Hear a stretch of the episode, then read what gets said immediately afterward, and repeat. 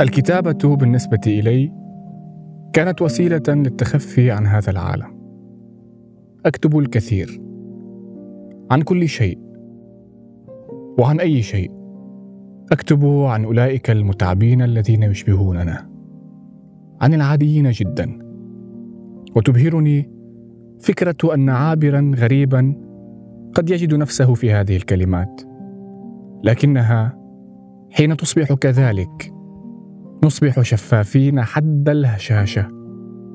وبين كل الحركات نطارد شيئا ولو ضئيلا من السكون.